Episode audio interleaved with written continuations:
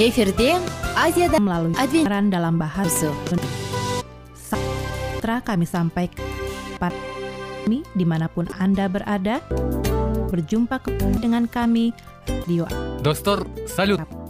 Баардык сүйүктүү угармандарыбызга anda melalui rangkaian менен. setelah kami siapkan өмүрдүн буласы чи sekeluarga harapan kami. Дарды көргөнүбүзгө абдан кубанычтуу dan menjadi чамандаш өтөлү semuanya ден соолугуңуздар кандай? Э, элибизде selamat mendengarkan кандай деген деле Tuhan беребиз сөз депчи анткени бул жакшы деген жакшы болот. Өтөлү биздин ден соолук чындыгында ден бул өмүр бекеринен айтылган эмес деп ойлойм кыргыз элинде. Анткени ден соолук жок болсо жашоо өзүнүн ошондуктан ден соолук dan suara pengharapan dimanapun anda berada terima kasih соолугуң жок. Karena saat ini ооруп калсаң эле кандай болуп калат? Akan siaran kami saat ini kita akan mengikuti Тиге жетишпей калат didik нерсени membimbing жада калса эшикке дүкөнгө да чыкпай каласың топ orang tua dan со демек биз биздин бактыбыз тотой деп койсок болот достор саламатмы рубрикабызды баштайлы. Алдыда өзүңүзгө керек болгон туга аласыздар. Мына ошондуктан биз менен ал эми биз pena inspirasi кеттик алга. Алга selamat namun terlebih dahulu kita mendengarkan ден соолук dari radio саламат саама ден соолук selamat mendengarkan. Күн сайын сиз үчүн мыкты биздин рубрикада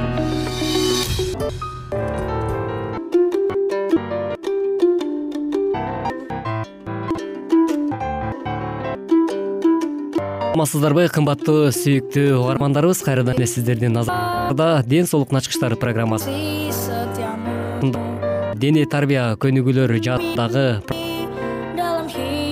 толкунан кала бериңиздер. Дене тарбия көнүгүүлөрү нервнын бузулган функцияларын калыбына келтирип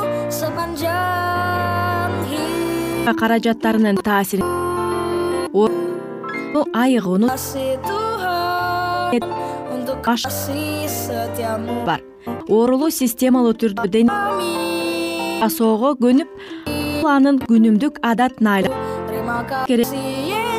Ал дарылануун башка каражаттары сыяктуу эле көргөзмөсү жана кээде оорулуу адамдын дене өзү дарылоого сөзсүз түрдө жогоруда кесиптешим сиздерге сиздин саламаттыгыңыз тилесек. Аныңыз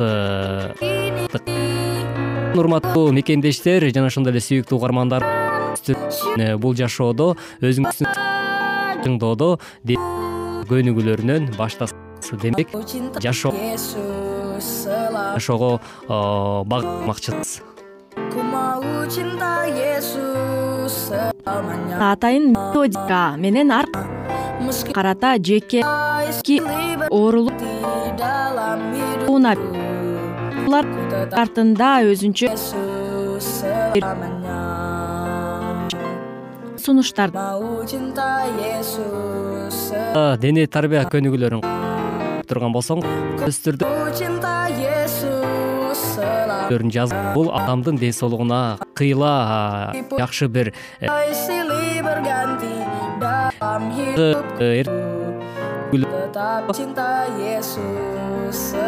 таасирдүүонго сиз чымыр жашоого умтулууга өзгө экен андыктан силерди дагы кылбайт. Мисалы эртең бир аз басып же терең терең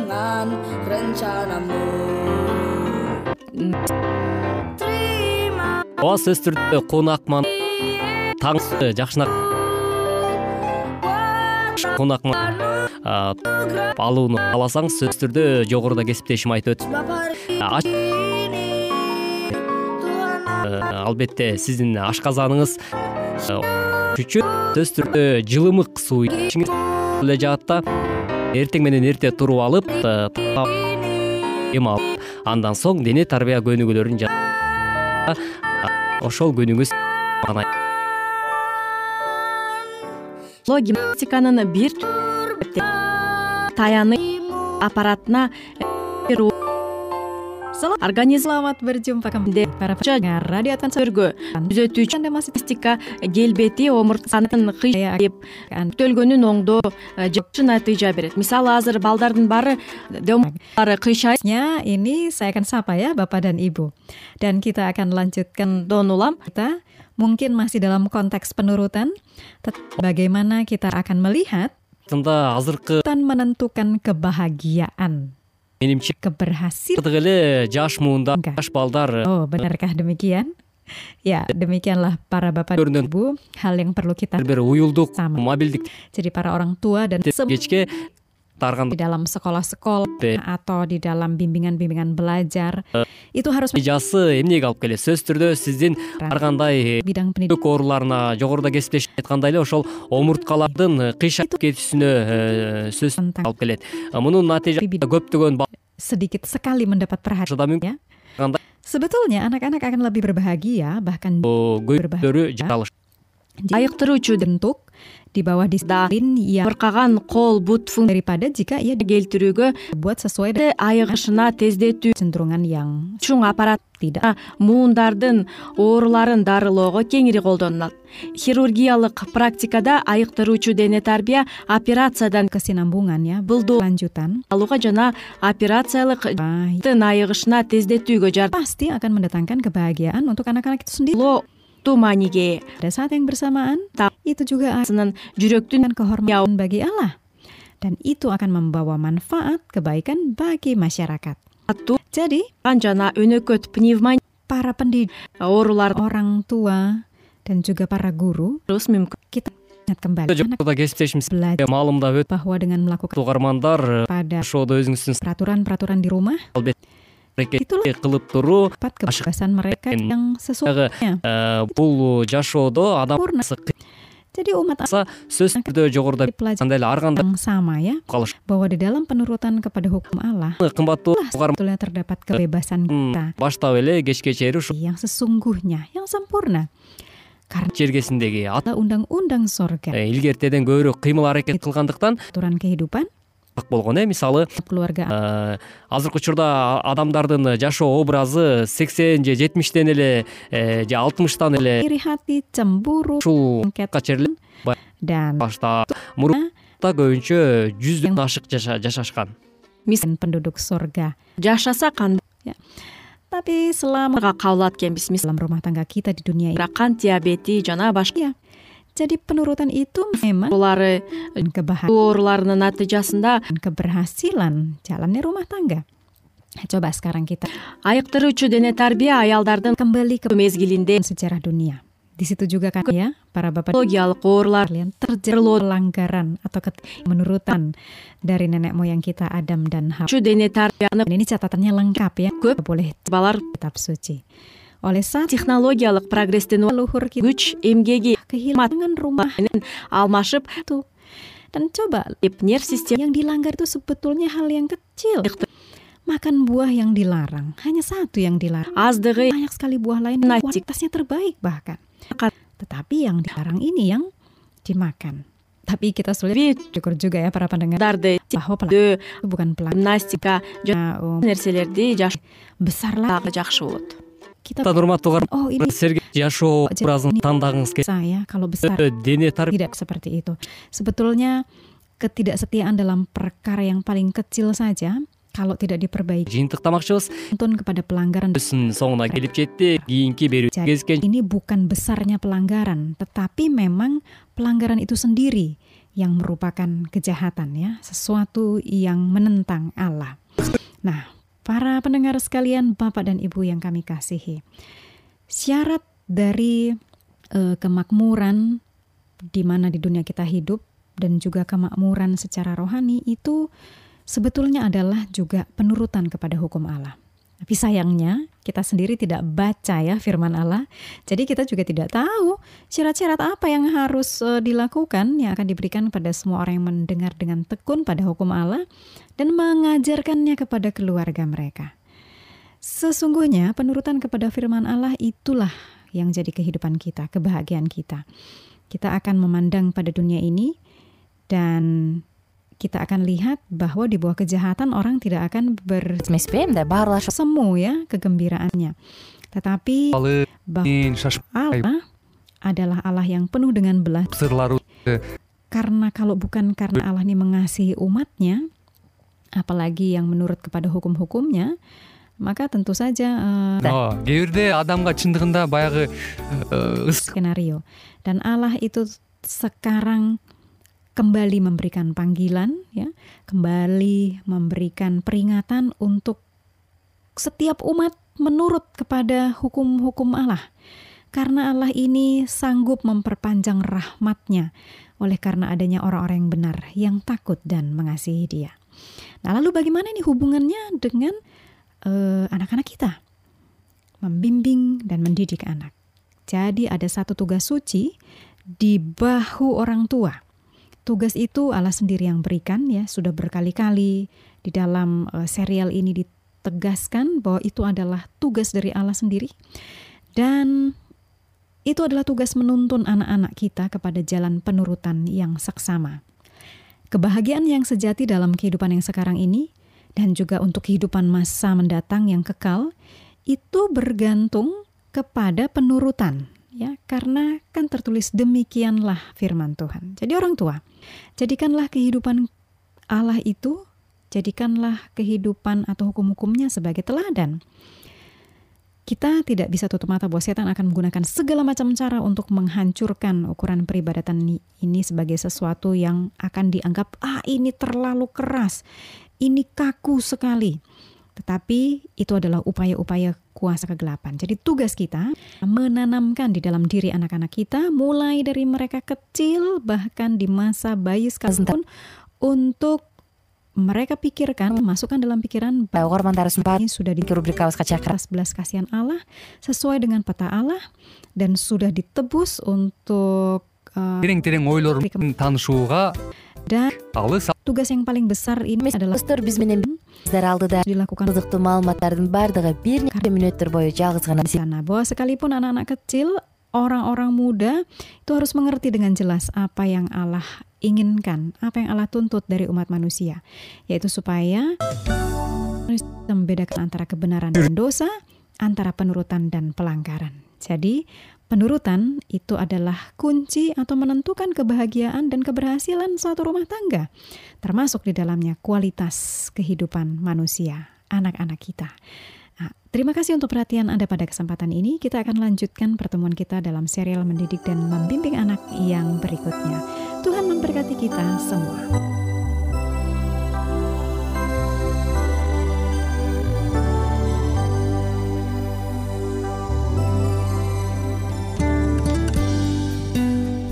Бул чоң көйгөй деп мүмкүн. Эми жапон пайда болушу деп айтышат экен. Кандай гана болбосун кризис финансылык жактан tugas кризиси болот экен. Эмесе бүгүнкү тема мырзалардын орто курактагы кризиси жөнүндө болмокчу. Адам баласынын өнүгүүсү жаш курагынын бөлүнүшү тууралуу бир нече вариант бар. Кайсы бир психологдор жаштыктын экинчи мезгили катары жыйырма бештен отуз беш жашты айтат. отуз алтыдан алтымыш жашты орто курак ал эми алтымыштан жогору улгайган курак деп эсептейт. Бүгүн биз орто куракка токтолууну чечтик. Окумуштуулардын айтымында бул куракка кадам таштаган учурду аялдарга караганда эркектер оор көтөрүшөт дейт. Эгер тагыраак айтканда алтымыштан жашы өтүп калган мырзаларда кандай кризис болот? Мына ушул жөнүндө сөз кылабыз. Деги эле алгач билип албайлыбы дос бирге карап өтөлүк. Адамдардын турмуш жолу ар башка бирок алардын жашоосунда психологиялык кырдаалдын жалпы окшоштугу байкалып келет. Орто жаштагы адамдын көз карашы калыптанып жашоонун мазмунун аныктап турмушка чечкиндүү кадам таштап жаткан учур мисалы жаш кезде кетирген жаңылыштыгын кайталабайт ии ал убакта жаш болчумун деп калат э? Аталарыбыздан ошого карабастан мезгилин ажырашуу арынышуу өңдүү жагымсыз иштер орун алып кризис башталат. Отуз алты жашка чыктыңбы?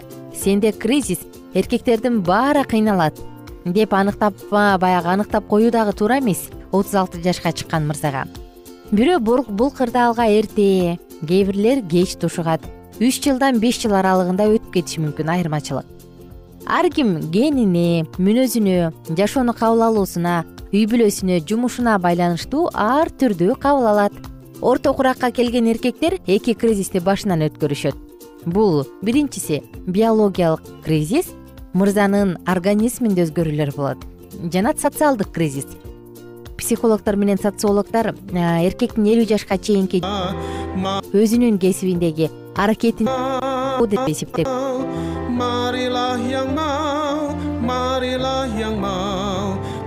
kabar selamat ini berilah orang tahu Allah Bapa kita akan jemput engkau.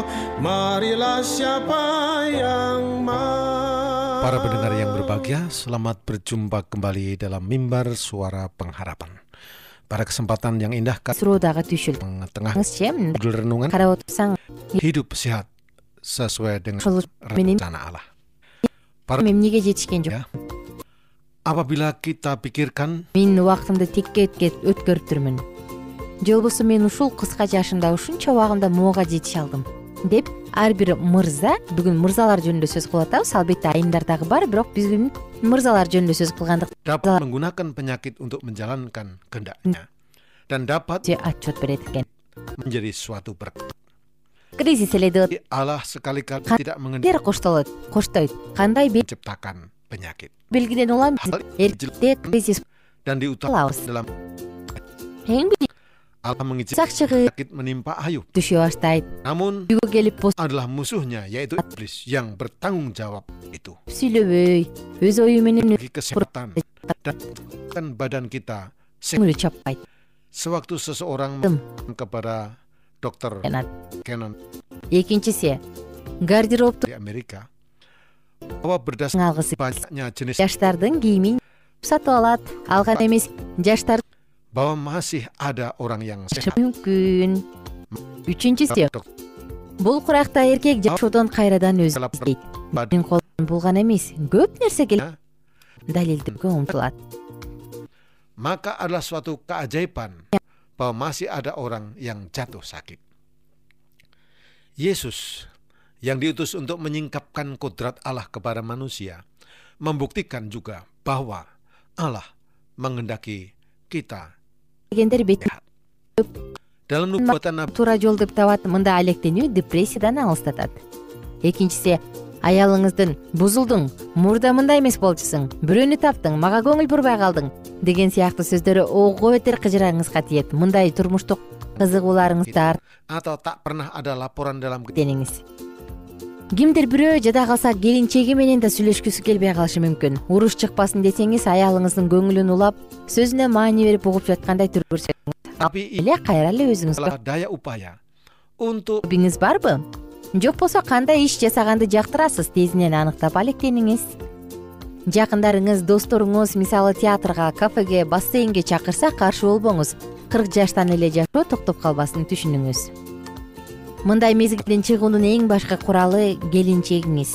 Ал баарын түшүнүп кыял жоруңузга чыдап колдоп турса убакыттын өтүшү менен баардыгы yang pengasih itu telah membawa pria dan wanita мына достор алдыда melayani dalam pekerjaan penyembuhannya yang besar itu. Sebagai dokter, sebagai perawat, sebagai juru rawat di negara sendiri, dan sebagai pengabar-pengabar Injil di seluruh dunia.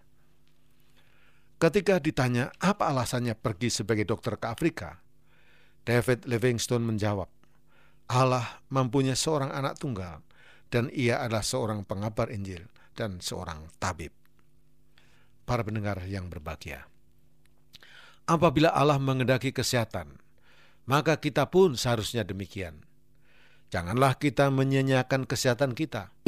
жолдош жардам бергени жакшы достор биздин каалообуз кайсы гана жашта болбоңуз канча гана куракка келип калбаңыз кандай гана жашабаңыз бирок сөзсүз түрдө дайыма жүрөгүңүздө тынчтык болсун.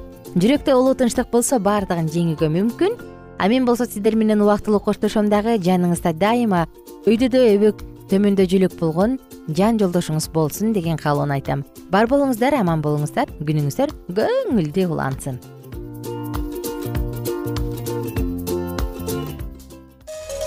ар түрдүү ардактуу кесип ээлеринен. Алтын сөздөр жүрөк ачышкан сыр чачышкан сонун маек. Дил маек рубрикасында.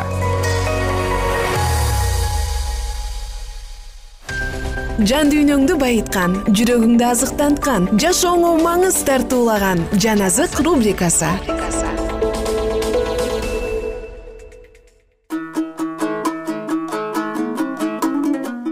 кутман күн ардактуу достор жалпыңыздар менен улуу күрөш китебин улантабыз. Биз менен бирге болуңуздар. Сиздерге жагымдуу угууну каалайм. Башталышында ал папанын жактоочуларынын өзгөчө сыйына татыктуу болгон бирок аягында аны римден кууп чыгарып салышкан чиркөөнүн күнү түнү көз алуусунда болгондуктан ал бир жерден экинчи жерге барып турган. Жана аны акыры тарбияланууга мүмкүн эмес дешип эркин аракеттенүүсүнө мүмкүнчүлүк беришет. Ошондон кийин ал англияга барып ал жерде протестанттардын ишенимин кабыл алат жана англиялык жыйындын мүчөсү болуп катталат. Эки жыл окугандан кийин бир миң сегиз жүз жыйырма биринчи жылы өзүнүн миссионердик кызматын баштаган. Машаяктын биринчи келишиндеги ооруну жана кыйынчылыкты башынан өткөргөн эр адам жөнүндөгү улуу чындыкты кабыл алгандан кийин вольф пайгамбарлык анын атак даңк менен экинчи жолу келе тургандыгын көргөн. Өз элине назареттик ыйса убадаланган машаяк экендигин айтты ал биринчи жолу азап тартып кыйналуу үчүн адамдардын күнөөсү үчүн арналган курмандык катары келсе экинчи жолу падыша жана куткарып алуучу катары келери жөнүндө алдын ала аларды окутту колун жана бутун кагып салган назареттик ыйса чыныгы машаяк деди ал. Аны козу сыяктуу союу үчүн жетелеп барышкан ооруну жана кайгыны башынан өткөргөн адам иуданын үстүнөн бийлик белгиси жана анын чекесинен мыйзам чыгаруу даражасы кеткенден кийин биринчи жолу келди.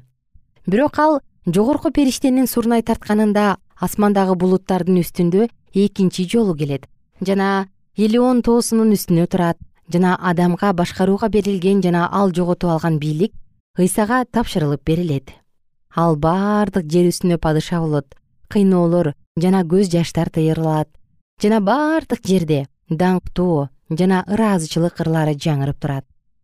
Качан ыйса өз атасынын даңкында ыйык периштелердин коштоосу менен келгенде ыйса өлгөндөр менен алды менен тирилет. Биз ишенгендер биринчи тирилүү дегенибиз ушул. Ошондо жан жаныбарлардын арасында өзгөрүүлүү болот. Жана алар ыйсага баш ийип турушат баардыгында тынчтык орнотулат жана теңир жер үстүн кайрадан карап минтип айтат мына эң эле жакшы. Теңирдин келери жакын экендигине вольф ишенген. Анын акыры күн туурасындагы пайгамбарлык мезгилдерди талкуулаганы миллер көргөзгөн мезгилден бир аз айырмаланып турган. Ал күн жана ал саат жөнүндө эч ким билбейт деген ыйык жазуунун сөздөрүн көргөзгөндө вольф мындай деп жооп берет. Эмне биздин теңир саат жана күн эч качан билинбейт? деди беле. Жок дегенде анын келишинин жакындаганын билиш үчүн жай мезгилинин жакындаганын билүү үчүн анжыр дарагынын жалбырактары бүчүр байлаган сыяктуу белгилер жокпу? Биз ушул бойдон эле түшүнбөстүктө жүрө беребизби? Биз даниэлдин китебин окуп эле коюп бирок аны түшүнүүбүздү ал өзү үйрөткөн жокпу? Ошол даниэлдин китебинде бул сөздөр акыркы мезгилдерге чейин жабылып турат делген. Дагы көпчүлүк окушуп жана билип алуулар көбөйөт. Биздин теңир бизге ал күндү жана саатты эч ким билбейт деп айтты. Бирок бул мезгилдин жакындаганын билбейсиңер деген эмес. Тескерисинче мезгилдердин белгиленеринен бизге көп нерселер маалим боло тургандыгын айтат. Анткени бир кезде нух пайгамбар эми кеме куруп даярданган сыяктуу биздин дагы анын келишине даярдануубуз зарыл. Ыйык жазууну бурмалагандар жана жалпы кабыл алган талкуулар жөнүндө вольф мындай деген христиандардын көпчүлүк жыйындары ыйык жазууларды туура эмес түшүнүүдөн баш тартышкан. Жана буддисттердин жөнүн жок системасына кайрылышты. Адамдардын келечектеги бактысы адамдардын тоскоолдуксуздуктан аба менен аралашып кетишинде дегенде ким ишене алат. Жана бул христиандар мындай деп ойлонушат. Иудей деген жазуу болсо анда алар бутпарас деп окушу керек. Иерусалим дегенди жыйын деп түшүнүшөт жер дегенди асман деп теңирдин келишин миссионердик коомдун жандануусу ал эми кудай үйүн турган тоого чыгуу дегенде методисттерди чоң сонун жыйыны деп талкуулашат. Жыйырма төрт жыл убакыттын аралыгында бир миң сегиз жүз жыйырма биринчи жылдан бир миң сегиз жүз кырк бешинчи жылга чейин вольф америкада египет жана абиссинияда азияда палестинада сирия персия бухарада жана индияда болчу кошмо штаттарда болгон жана келе жатып ыйык елена аралында насаат айткан ал нью йоркко бир миң сегиз жүз отуз жетинчи жылы август айына келди. Жана бул шаарда насаат айтты. Жана андан өтүп филадельфияга балтиморго акыры вашингтонго барып айткан. Жана ал мын кийин мынтип жазат вице президент джон куинси адамстын сунушу боюнча мага парламенттик палатада сөз сүйлөөгө мүмкүнчүлүк беришти. Жана мен бул парламенттин залында ишемби күнү сөз айттым. Менин бул айткан лекциямды парламенттин мүчөлөрү виргиниянын епископу жана вашингтондун башка диний адамдары жана тургундары кадырлашты. Ушул сыяктуу эле мүмкүнчүлүк менде нью джерси жана пенсильвания штаттарында дагы болгон. Ал жерде мен өзүмдүн азиядагы байкоо жүргүзүүлөрүмдө андан тышкары ыйса машаяктын башкаруучулугу жөнүндө лекцияларымды окугам доктор вольф кандайдыр бир европалык мамлекеттердин колдоосусуз эле. Алыскы аймактарга барып насаат айткан жана көптөгөн кыйынчылыктарды башынан өткөргөн коркунучтарга кириптир болуп турган. Аны таяк менен сабашкан ачка камап салышкан бир жолу аны кул катары кулдукка сатып жиберишкен жана үч жолу өлүм жазасына өкүм чыгарышкан. Бир нече жолу каракчылардын колуна түшкөн жана бир жолу ал суусагандыктан өлүм алдында калган. Бир жолу болсо анын баардык буюмдарын тартып алышып жүздөгөн миль аралыкты тоо аркылуу басууга туура келген. Анын жүзүн бурганактаган кар ургулап турду. Анын жылаң буту аяк буту тоңуп калган жерлери менен басып баргандыктан селейип катып калды. Ардактуу достор кымбаттуу угармандар жана кадырлуу замандаштар сиздер менен бүргөн дагы биз улуу китебинен үзүндү окуп өттүк. Баарыңыздар үчүн эң сонун маалыматтар айтылды деп ишенем. Кийинки уктурууда окуябыздын уландысын биз менен бирге тыңдасаңыз болот. Күнүңүздөр көңүлдүү улансын жалпыңыздарга мыкты маанай.